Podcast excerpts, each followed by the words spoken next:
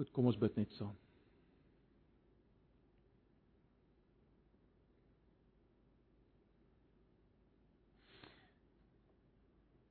Wonderlike Here Jesus, ons het nou gesien gesing dat U bo alles is.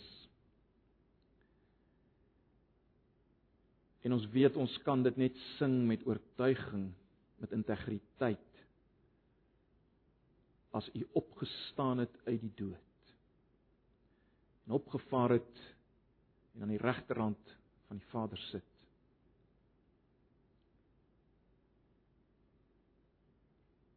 En dankie dat ons volgens kan weet dit is waar. Ons kan hierdie getuies aanvaar. Die graf is inderdaad leeg en baie het u gesien nadat hy opgestaan het. Selfs 500 broers te gelyk waarvan baie nog geleef het toe Paulus Korintiërs geskryf het. En daarom kom ons met vrymoedigheid na U in hierdie oggend om nou met ons te ontmoet en ons te bemoedig en te versterk waar ons is hier nou in die 21ste eeu in Pretoria in Suid-Afrika in Queenswood. Ons verwagting is van U in Jesus se naam. Amen. En ja, ek gaan saam met julle lees uit Markus. Uh nou eintlik Markus 14 tot 16 is eintlik 'n eenheid wat ons moet saam lees uh waar mens die die kruisiging en die opstanding kry soos Markus dit opteken. So ek gaan uh net lees vanaf vers 40 van Markus 15. Ek sal die 53 vertaling vanoggend lees. Uh ek dink daar's meer van julle wat waarskynlik die 53 het as die 2020, so kom ons bly maar by die 53. So ek gaan lees vanaf uh, vers 40 van Markus 15.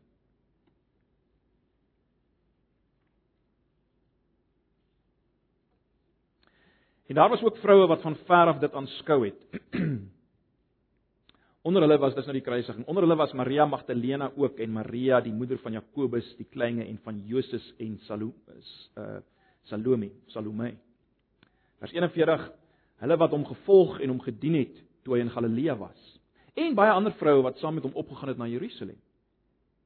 En toe dit aand geword het omdat dit die voorbereiding was, dit is die voor Sabbat, kom daar 'n vername raadslid, Josef van Arimatea wat self ook die koninkryk van God verwag het. Nou as jy sê dat Josef die koninkryk van God verwag het natuurlik uh die Davidiese ryk, die die koninkryk waarop Israel gehoop het. En hy waag dit om na Pilatus in te gaan en die liggaam van Jesus te vra. Vers 44 en Pilatus was verwonder dat hy, dis nou Jesus, al dood was en hy het die hoofman oor 100 geroep en hom gevra of hy al lank dood was. En toe hy dit van die hoof van oor 100 verneem het, het hy die liggaam aan Josef geskenk. En hy het linne gekoop en hom afgehaal en in die linne toegedraai en hom neergelê in 'n graf wat in 'n rots uitgekap was, en hy het 'n steen teen die opening van die graf gerol. En Maria Magdalena en Maria die moeder van Jesus, ag eh, van Josef, ekskuus, het gesien waar hy neergelê word. En toe die Sabbat verby was, het Maria Magdalena en Maria die moeder van Jakobus en Salome speserye gekoop en hom om hom te gaan salf En baie vroeg op die eerste dag van die week, net na sonop, kom hulle by die graf. En hulle sê vir mekaar, wie sal vir ons die steen voor die opening van die graf wegrol? En toe hulle opkyk, sien hulle dat die steen weggerol was want dit was baie groot. En toe hulle in die graf ingaan, ingegaan het, sien hulle 'n jong man met 'n lang wit kleed om aan die regterhand sit. En hulle het baie geskrik En hy sê vir hulle moenie verskrik wees nie. Julle soek Jesus die Nasareener wat gekruisig is. Hy het opgestaan. Hy is nie hier nie. Daar is die plek waar hom neergelê het. Maar gaan sê vir sy disippels en vir Petrus dat hy voor julle uitgaan na Galilea. Daar sal julle hom sien soos hy vir julle gesê het. Toe gaan hulle haastig uit en vlug van die graf af weg. En bewing en ontsetting het hulle aangegryp en hulle het vir niemand iets gesê nie want hulle het gevrees. Letterlik hulle was bang. Ons lees net tot daar want uh ek kan dit miskien maar nou al sê. Uh julle sal as jy 83 vertaling het, sal jy sien die 83 vertaling uh eindig daar. Uh dis word redelik algemeen aanvaar dat uh, vers 9 tot 20 nie in die oorspronklike uh weergawe voorkom nie, ook nie in die beste manuskripte nie. En dit is heel waarskynlik 'n latere byvoeging. Dit beteken nie dit is totaal verkeerd of iets nie, maar uh redelik algemeen word aanvaar dat dat Markus eindig sy geskrif hier by vers 8 en ek ek wil hê ons moet dit so aanvaar vanoggend dat dit by vers 8 eindig. Maar goed. Ek dink julle sal my saamstem dat dit juis na die donker van die nag is, nê, nee, wat dagbreek iets wonderlik is, iets verruklik is. Die beste nuus in die geskiedenis van die kosmos, die geskiedenis van die heelal, die beste nuus kom na die slegste nuus in die geskiedenis van die heelal. En die grootste verrassing ooit in die geskiedenis van die heelal kom na die grootste tragedie ooit in die geskiedenis van die heelal. En is hierdie slegte nuus en hierdie goeie nuus wat Markus weergee in sy boek. Uh onthou nou Markus skryf vir die Christene in Rome. Hy skryf vir mense, werklike mense wat deur 'n tyd van werklike vervolging gaan. Hulle kan vir die leeu's gegooi word. Hulle kan aan die brand gesteek word as ligte in die arena. As hulle Jesus bely. En dis vir hulle wat hy sy hele boek skryf om hulle te herinner aan wie Jesus is. En hierdie laaste hoofstukke is die is die toppunt van sy bemoediging en versterking vir hierdie ouens wat die dood in die gesig staar as gevolg van hulle geloof in hierdie Jesus. En hy wil hulle veral hierdeur versterk, bemoedig, moed gee, oplig. En daarom ook vir ons wat volgens hier sit. Elkeen van ons het stryd en worstelinge en onsekerhede. Ons bly in 'n land vol onsekerhede. Ons is in 'n tyd van 'n pandemie wat ons almal mee sukkel hoe om dit reg te verstaan, maar dit het 'n impak gehad op ons op verskillende maniere. Ons kyk rondom ons en ons sien geestelike verval en ons kan maklik wanhoopig raak oor die krag van die evangelie. En daarom is hierdie gedeelte ook spesifiek vir ons. Uh ook ons moet die verrassing van alles hier sien en ons moet bemoedig word en ons word ook uitgedaag natuurlik en dis belangrik deur hierdie gedeelte want daar's ook geen groter uitdaging nie. As geen beter boodskap as wat ons mekaar kan gee as dit wat ons uiteindelik hier sien. Maar goed, kom ons kyk na Nou hoofstuk 15 en 16. Eindelik in 'n sin na hoofstuk 14 en 16, maar uh, ons het bloot eenvoudig nie tyd om alles aan te raak nie. En ek wil ek wil net hê ons moet basies kyk na na hierdie eerstens ek wil hê ons moet begin met die by wat ek wil noem die grootste teleurstelling van alle tye of tragedie van alle tye. En dan wil ek hê ons moet kyk na die die die grootste verrassing van alle tye. Dan wil ek hê ons moet kyk na die onwaarskynlikes wat hieraan deel het. Die verrassende, vreemde, onwaarskynlikes wat deel het hieraan aan hierdie opstanding. En dan gaan ons bietjie kyk na die uitdaging van hierdie gedeelte en afsluit met 'n paar ehm um, implikasies van dit alles. Uh dinge waaroor ons uiteraard uiteraard al baie uh gepraat het.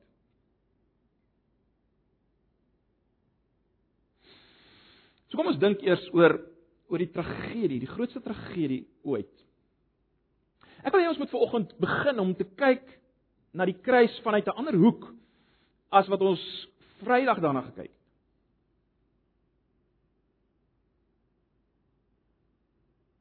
Dit is baie belangrik dat ons ook uit 'n ander hoek daarna sal kyk om Vrydag wat ons Vrydag gesê het en wat ons vanoggend gaan sê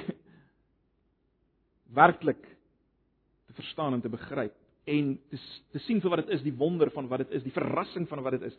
Kom ons dink aan aan aan die kruis van vanuit 'n ander hoek.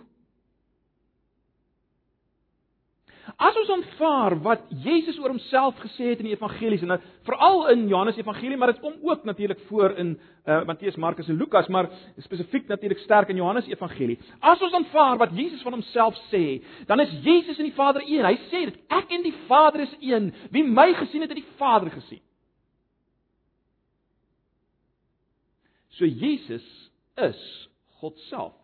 God die Seun, maar God self. Natuurlik, dis die misterie van die van die drie eenheid. Maar as ons dit vat, dan moet ons vir mekaar sê dit wat gedoen is aan Jesus in hoofstuk 14 en 15 soos in soos in hoofstuk 14 en 15 opgeteken deur Markus is dit wat mense aan God doen. Ons kan dit nie anders stel nie. Mense soos ek en jy. En dan moet ons vir mekaar sê, wat ons kry in hoofstuk 14 en 15 is die grootste oorwinning van die bose ooit. Dis die grootste oorwinning van duisternis oor lig ooit. Dink net daaraan. Die mens, die mens wat deur God geskep is om in 'n liefdesverhouding met God te leef en met mekaar in die tuin. Die mens vir wie God alles gegee het. Die mens wat die aarde moes vul en vermeerder en God se verteenwoordiger moes wees. Die kollig op God moes laat val in alles wat hy doen. Daardie mens, daardie mens het God verwerp in die tuin. Maar let wel, dis wat ons moet raak sien. As hierdie God, hierdie selfe God uiteindelik mens word,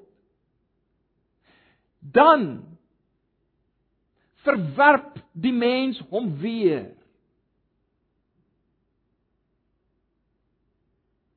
Hy verloon hom, hy verraai hom, hy kruisig hom. Ons moet dit sien. Die mens verraai God weer in 'n tuin met 'n kus, met 'n soen. En hy kruisig God op die plek van die Kobbeen, buite Jerusalem, buite die stad. Dit was inderdaad die oomblik van die grootste oorwinning van die bose en die duisternis en Markus gee vir ons iets daarvan weer. Hy beklemtoon dit as hy in hoofstuk 15 vers 33, ons het nou nie die gedeelte gelees nie. Jy kan miskien net vanaf daarna kyk as jy jou Bybel daar het. In 15 vers 33 sê Markus en toe dit die 6ste uur was, kom daar duisternis oor die hele aarde tot die 9de uur toe hy wil iets weergee van die duisternis. Die werklike duisternis was as 'n ware 'n afbeelding van die duisternis in die geestelike riem.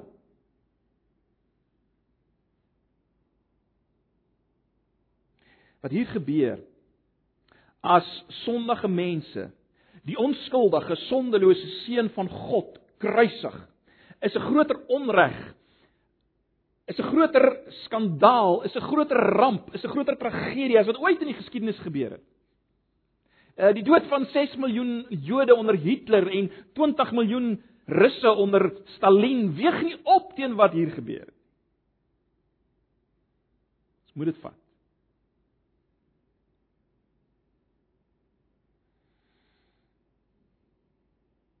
Miskien is dit vra, maar was dit so erg? Ja, dit was so erg.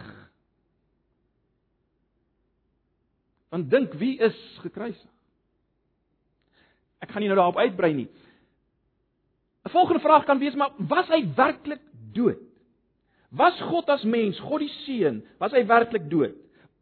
Of was alles maar net 'n soort van 'n klugspel? Is dit nie net gestage nie? Dis 'n belangrike vraag wat 'n mens moet vra. Wel, kom ons kom ons dink daaroor.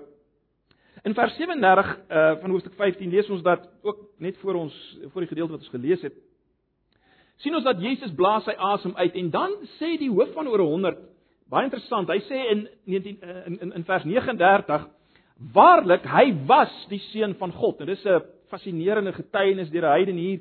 Ek wil nie nou daarop fokus nie. Ek wil fokus op die punt dat hy sê hy was die seun van God.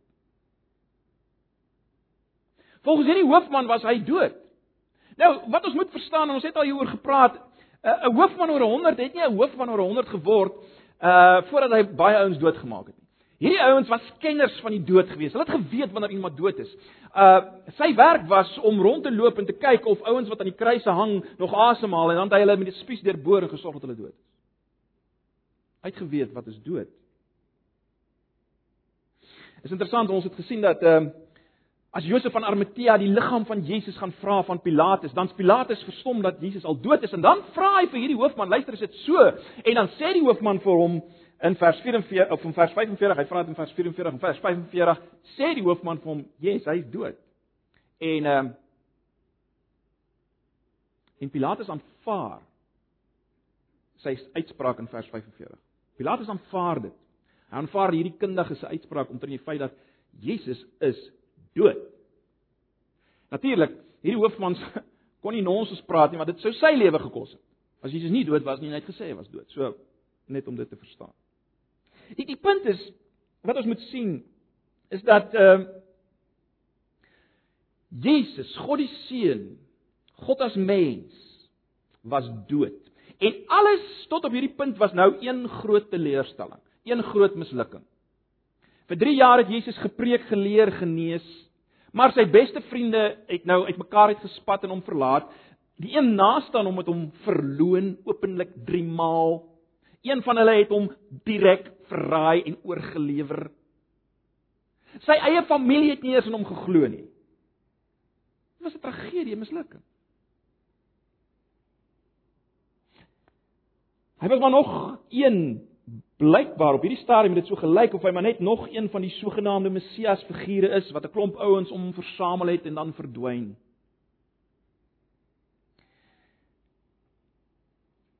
Ons het gesien dat Josef van Arimatea wat sy lijk vra, hy die koninkryk van God verwag. Wel definitief het die koninkryk nie gekom nie.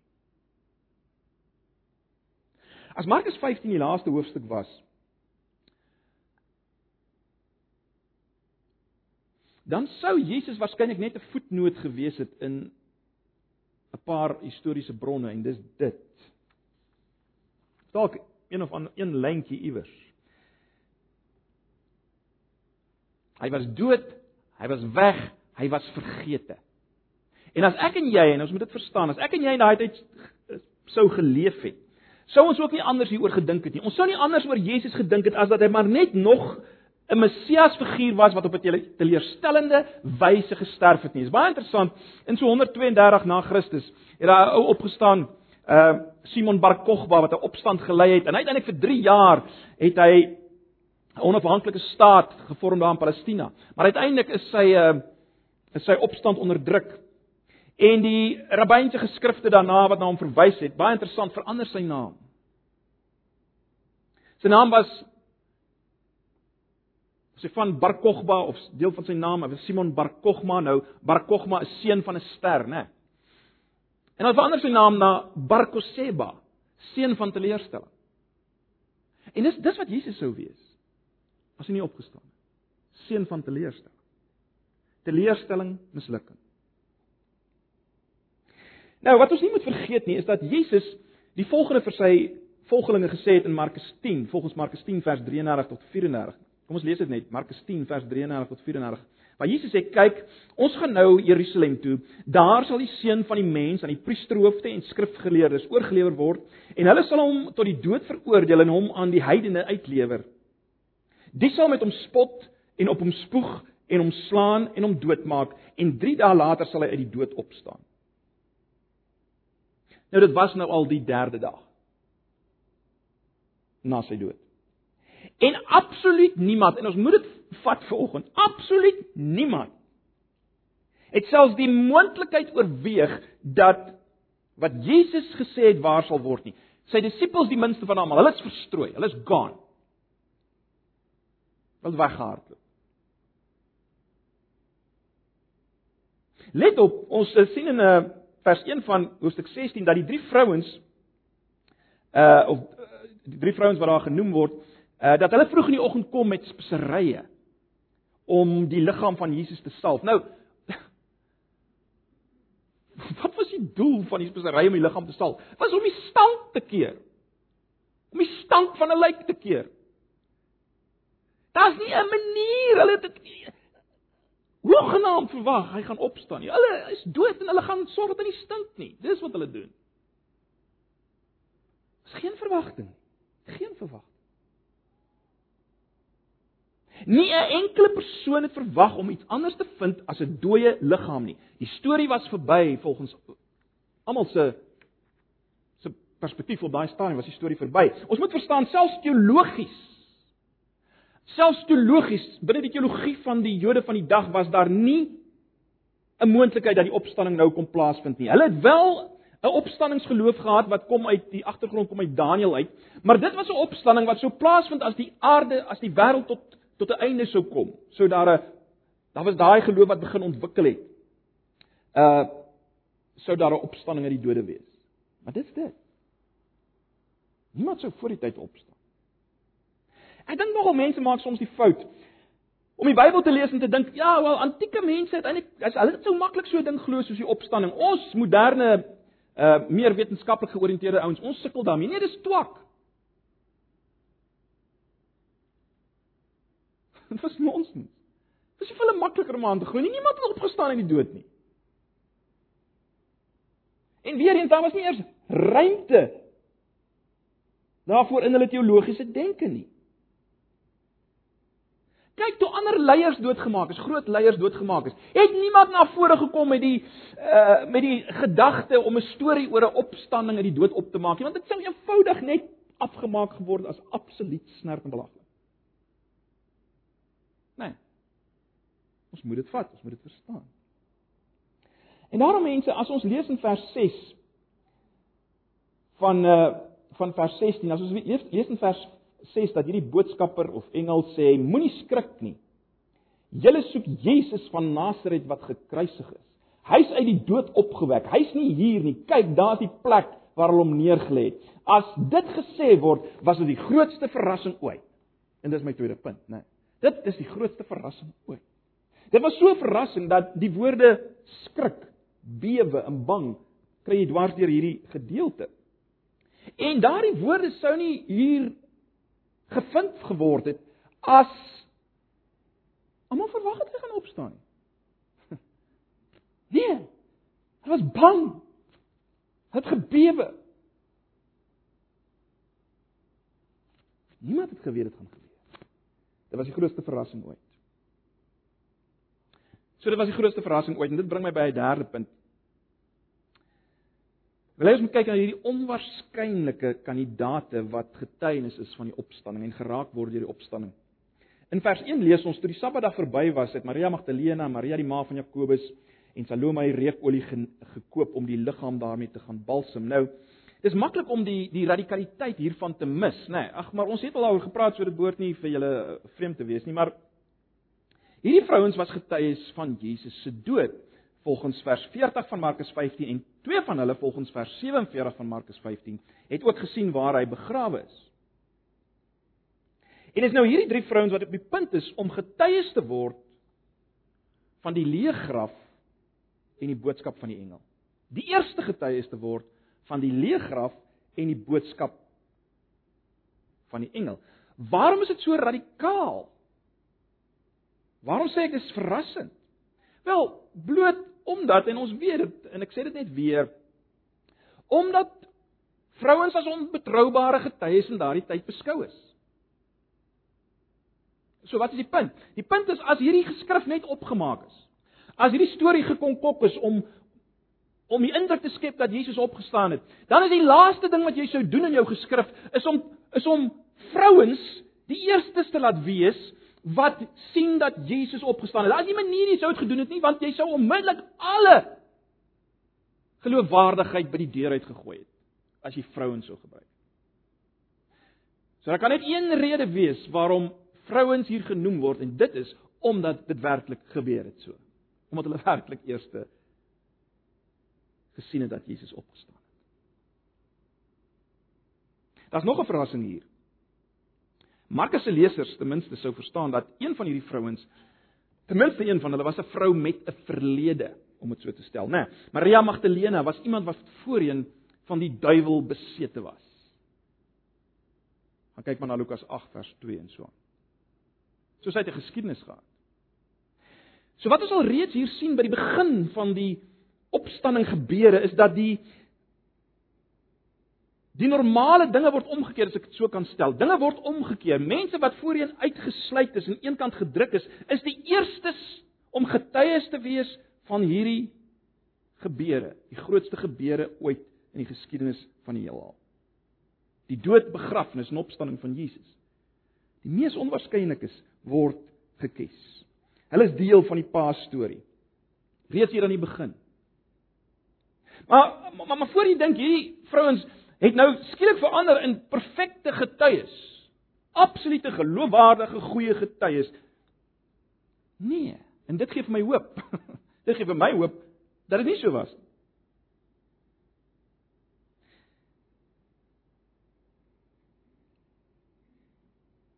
Luister wat lees ons in vers 8. Julle sou gesien het dat ehm um, of ons het gelees dat hierdie jong man, hierdie boodskapper het vir hulle gesê hy's nie hier nie. opgevaar. Ehm um, en dan sê hy vir hulle om dit vir die disippels te gaan vertel. En kyk nou na vers 8. Hulle het uit die graf uitgegaan en weggehardloop terwyl hulle gebewe het van skrik. Hulle het vir niemand anders iets daarvan gesê nie want hulle was bang. Dis nie baie indrukwekkend nie, is dit? Maar dit gee hoop vir my. Het vir niemand iets daarvan gesê nie want hulle was bang, hulle het gebewe van skrik. Wat omtrent die disippels? Het hulle bietjie beter gevaar? In vers 7 sê die engel vir die vrouens dit wat ons nou na verwys het, nê, nee, gaan sê vir sy disippels en in die besonder vir Petrus, ons wil nou daarna verwys. Hy gaan julle vooruit na Galilea toe. Daar sal julle hom sien soos hy vir julle gesê het. Nou, onthou, voordat Jesus verraai is, het hy vir sy disippels die volgende gesê in Markus 14 vers 27 tot 28. Hy het vir hulle gesê: "Julle sal almal van my afvallig word. Daar staan immers geskrywe: Ek sal die herder doodmaak en die skape sal uitmekaar gejaag word." Maar nadat ek uit die dood opgewek is, sal ek julle vooruitgaan na Galilea toe. Jy sien die, die disippels het totaal droog gemaak. Oor en oor het Jesus vir hulle gesê dat wat gaan gebeur en hulle het dit nie gesnap. Om die waarheid te sê, toe die oomblik toe daar druk kom, toe spat hulle uitmekaar uit en vlug. En die mees dramatiese mislukking van almal was natuurlik Petrus, né? Nee, ons weet dit. Hy wat gesê het in uh, Markus 14 vers 31, al moet ek saam met u sterwe, ek sal u beslis nie verloon nie. Dis hy wat Jesus openlik 3 maal verloon, 3 maal sê ek ken hom nie eers nie, ek weet nie van wie jy praat nie. Dis wat hy gedoen het. Skrikwekkend.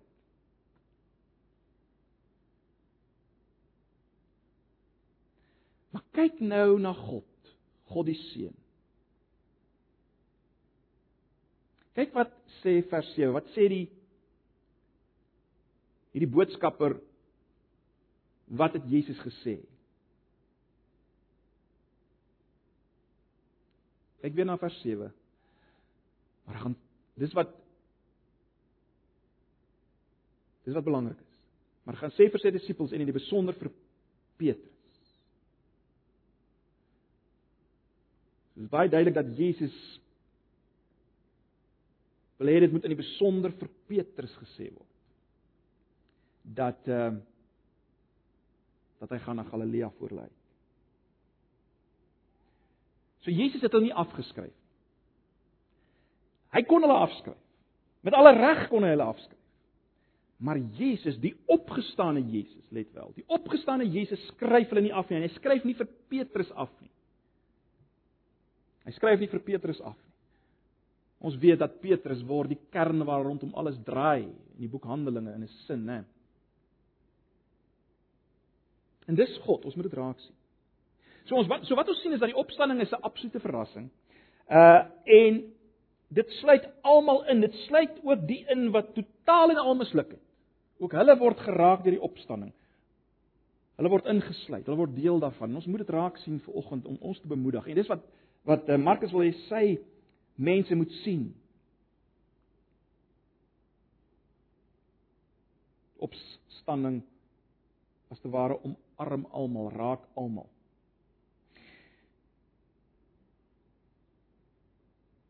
Maar baie belangrik wat ons moet raak sien en wat Markus wil waarskynlik hê sy lesers moet raak sien is dat die opstanningsverhaal gaan voort en daar's 'n uitdaging. Ek het nou opgemerk dat uh, dat Markus eindig by vers Hoekom hy so eindig? Daaroor word baie gespekuleer, maar luister net weer na sy einde. Dis 'n vreemde manier van eindig. Kyk na Markus 16 vers 7 en 8. Maar gaan sê vir sy disippels en in die besonder vir Petrus, hy gaan julle vooruit na Galilea toe. Daar sal julle hom sien soos hy vir julle gesê het. Hulle het uit die graf uitgegaan en weggehardloop terwyl hulle gebewe het van die skrik. Hulle het vir niemand anders iets daarvan gesê nie want hulle was bang. Nou dink vir 'n oomblik hieraan. Die ouens wat eerste Markus se evangelie sou lees, sou geweet het dat dis nie waar alles geëindig het nie. Hulle sou geweet het van al die ander uh opstanningsverskynsels. Hulle sou geweet het aan die dinge wat as gevolg daarvan gebeur het. En die blote feit dat Markus hierdie evangelie skryf, sou 'n bewys wees dat die storie nie net geëindig het. Nie net geëindig het met 'n opmerking dat Jesus opgestaan het. Hulle sou dit geweet het. 'n reeks gebeure is aan die gang gesit wat die disippels uiteindelik getransformeer het tot kragtige getuies en tot 'n boodskap wat die wêreld van daardie tyd en die let wel die Romeinse ryk verower het. Moenie 'n fout maak nie.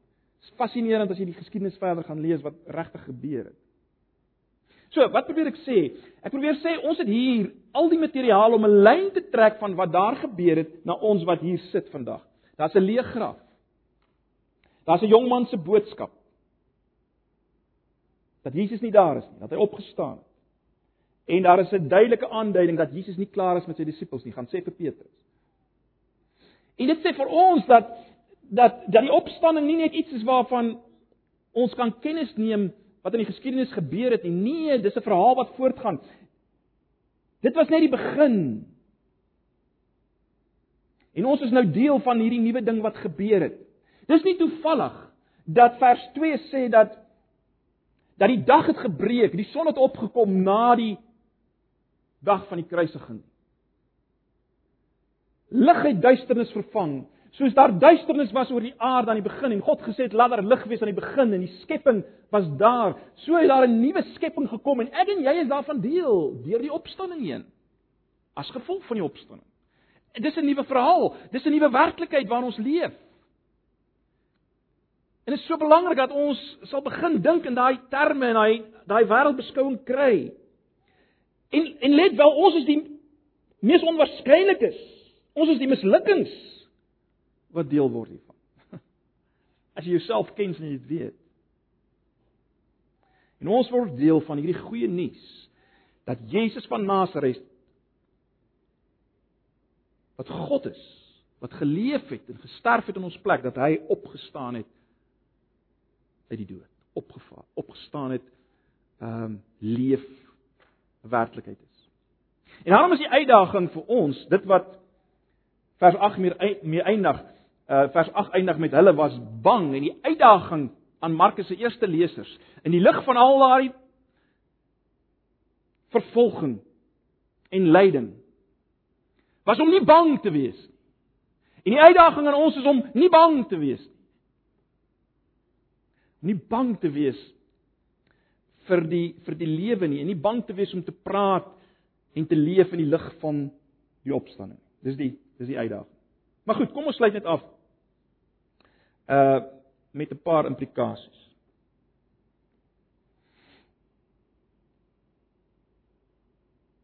Ons kan met vrymoedigheid weet en verkondig Jesus het opgestaan.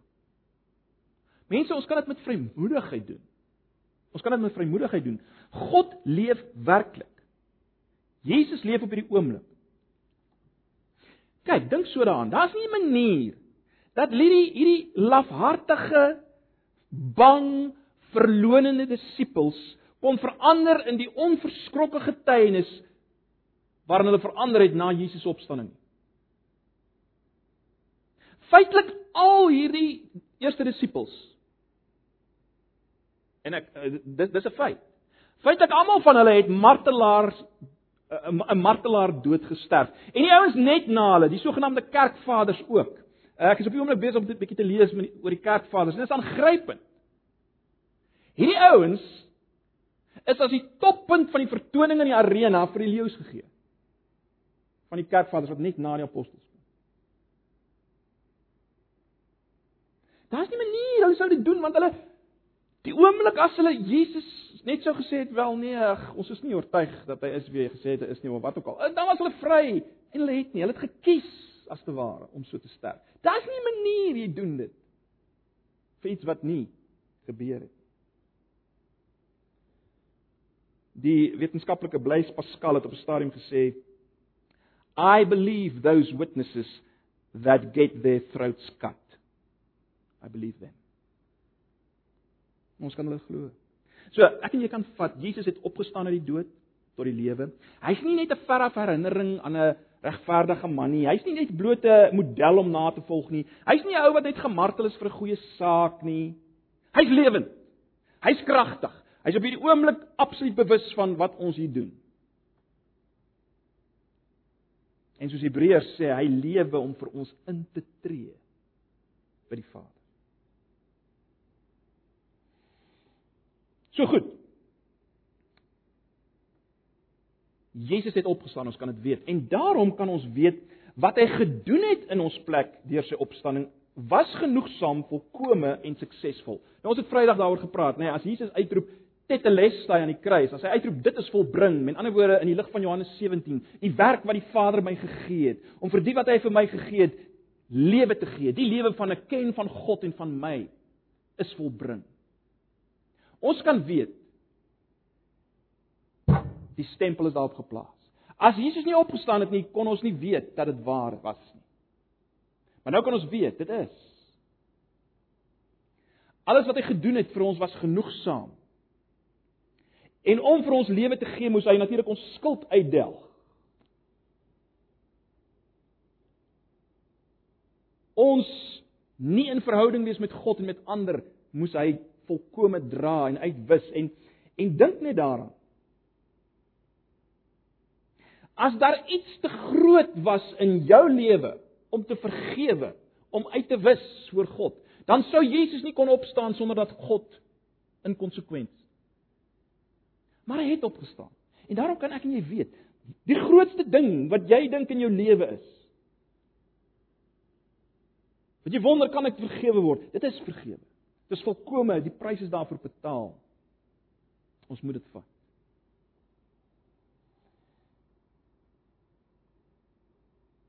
Jy is volkome geliefd en aanvaarbaar vir God want Jesus is.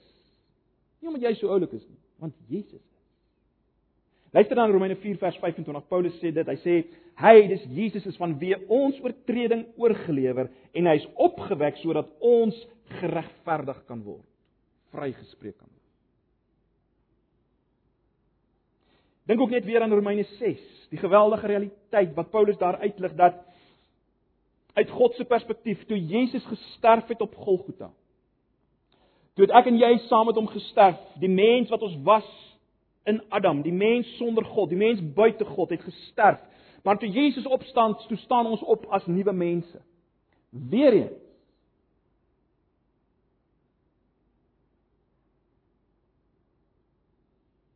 God sou dit nie kon doen as daar iets nie as daar iets gehapper het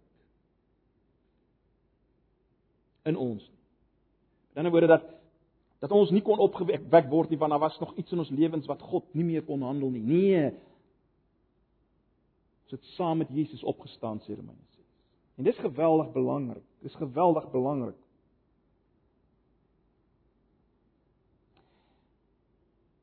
Sê dit weer, ek het dit ook al baie gesê.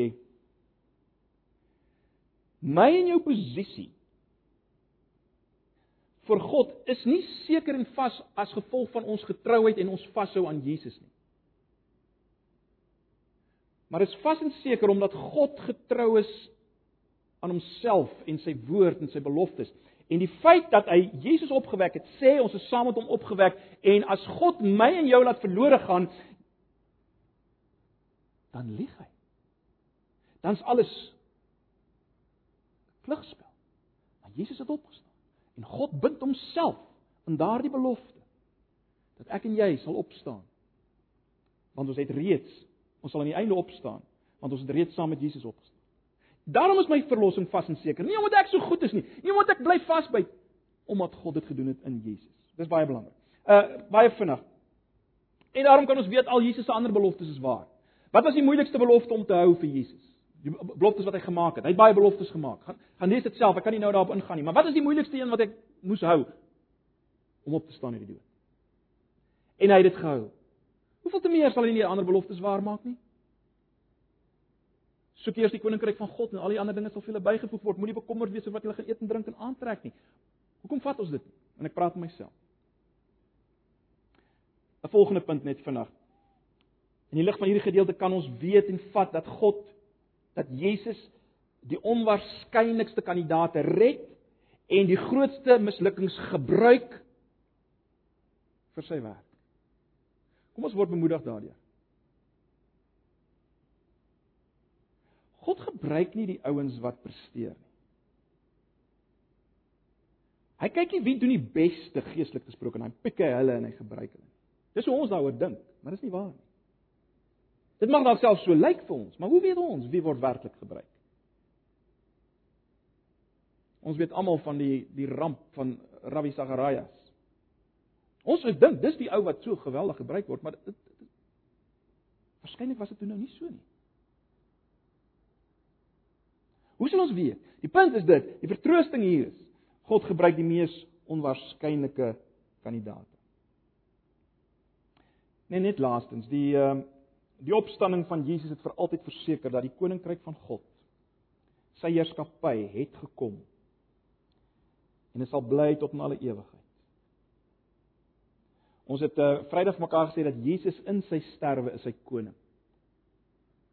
In sy sterwe regeer hy.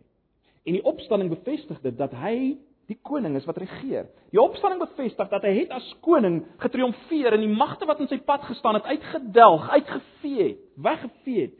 Die Satan en al sy magte en al die aanklagte het hy weggevee.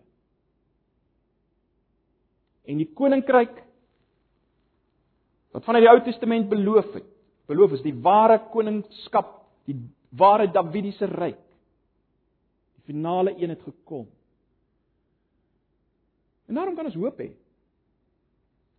Moenie vaskyk, moenie vaskyk teen al die gebrokenheid en mislukking ook in jou eie lewe en rondom jou. Kyk na Jesus die opgestane een. En word bemoedig. Dis die hele doel waarom uh waarom Markus geskryf. Om ons te bemoedig en te versterk. En mag die Here dit doen. Jesus het opgestaan. Amen. Kom ons bid saam. Ag Here Jesus, dankie vir u woord.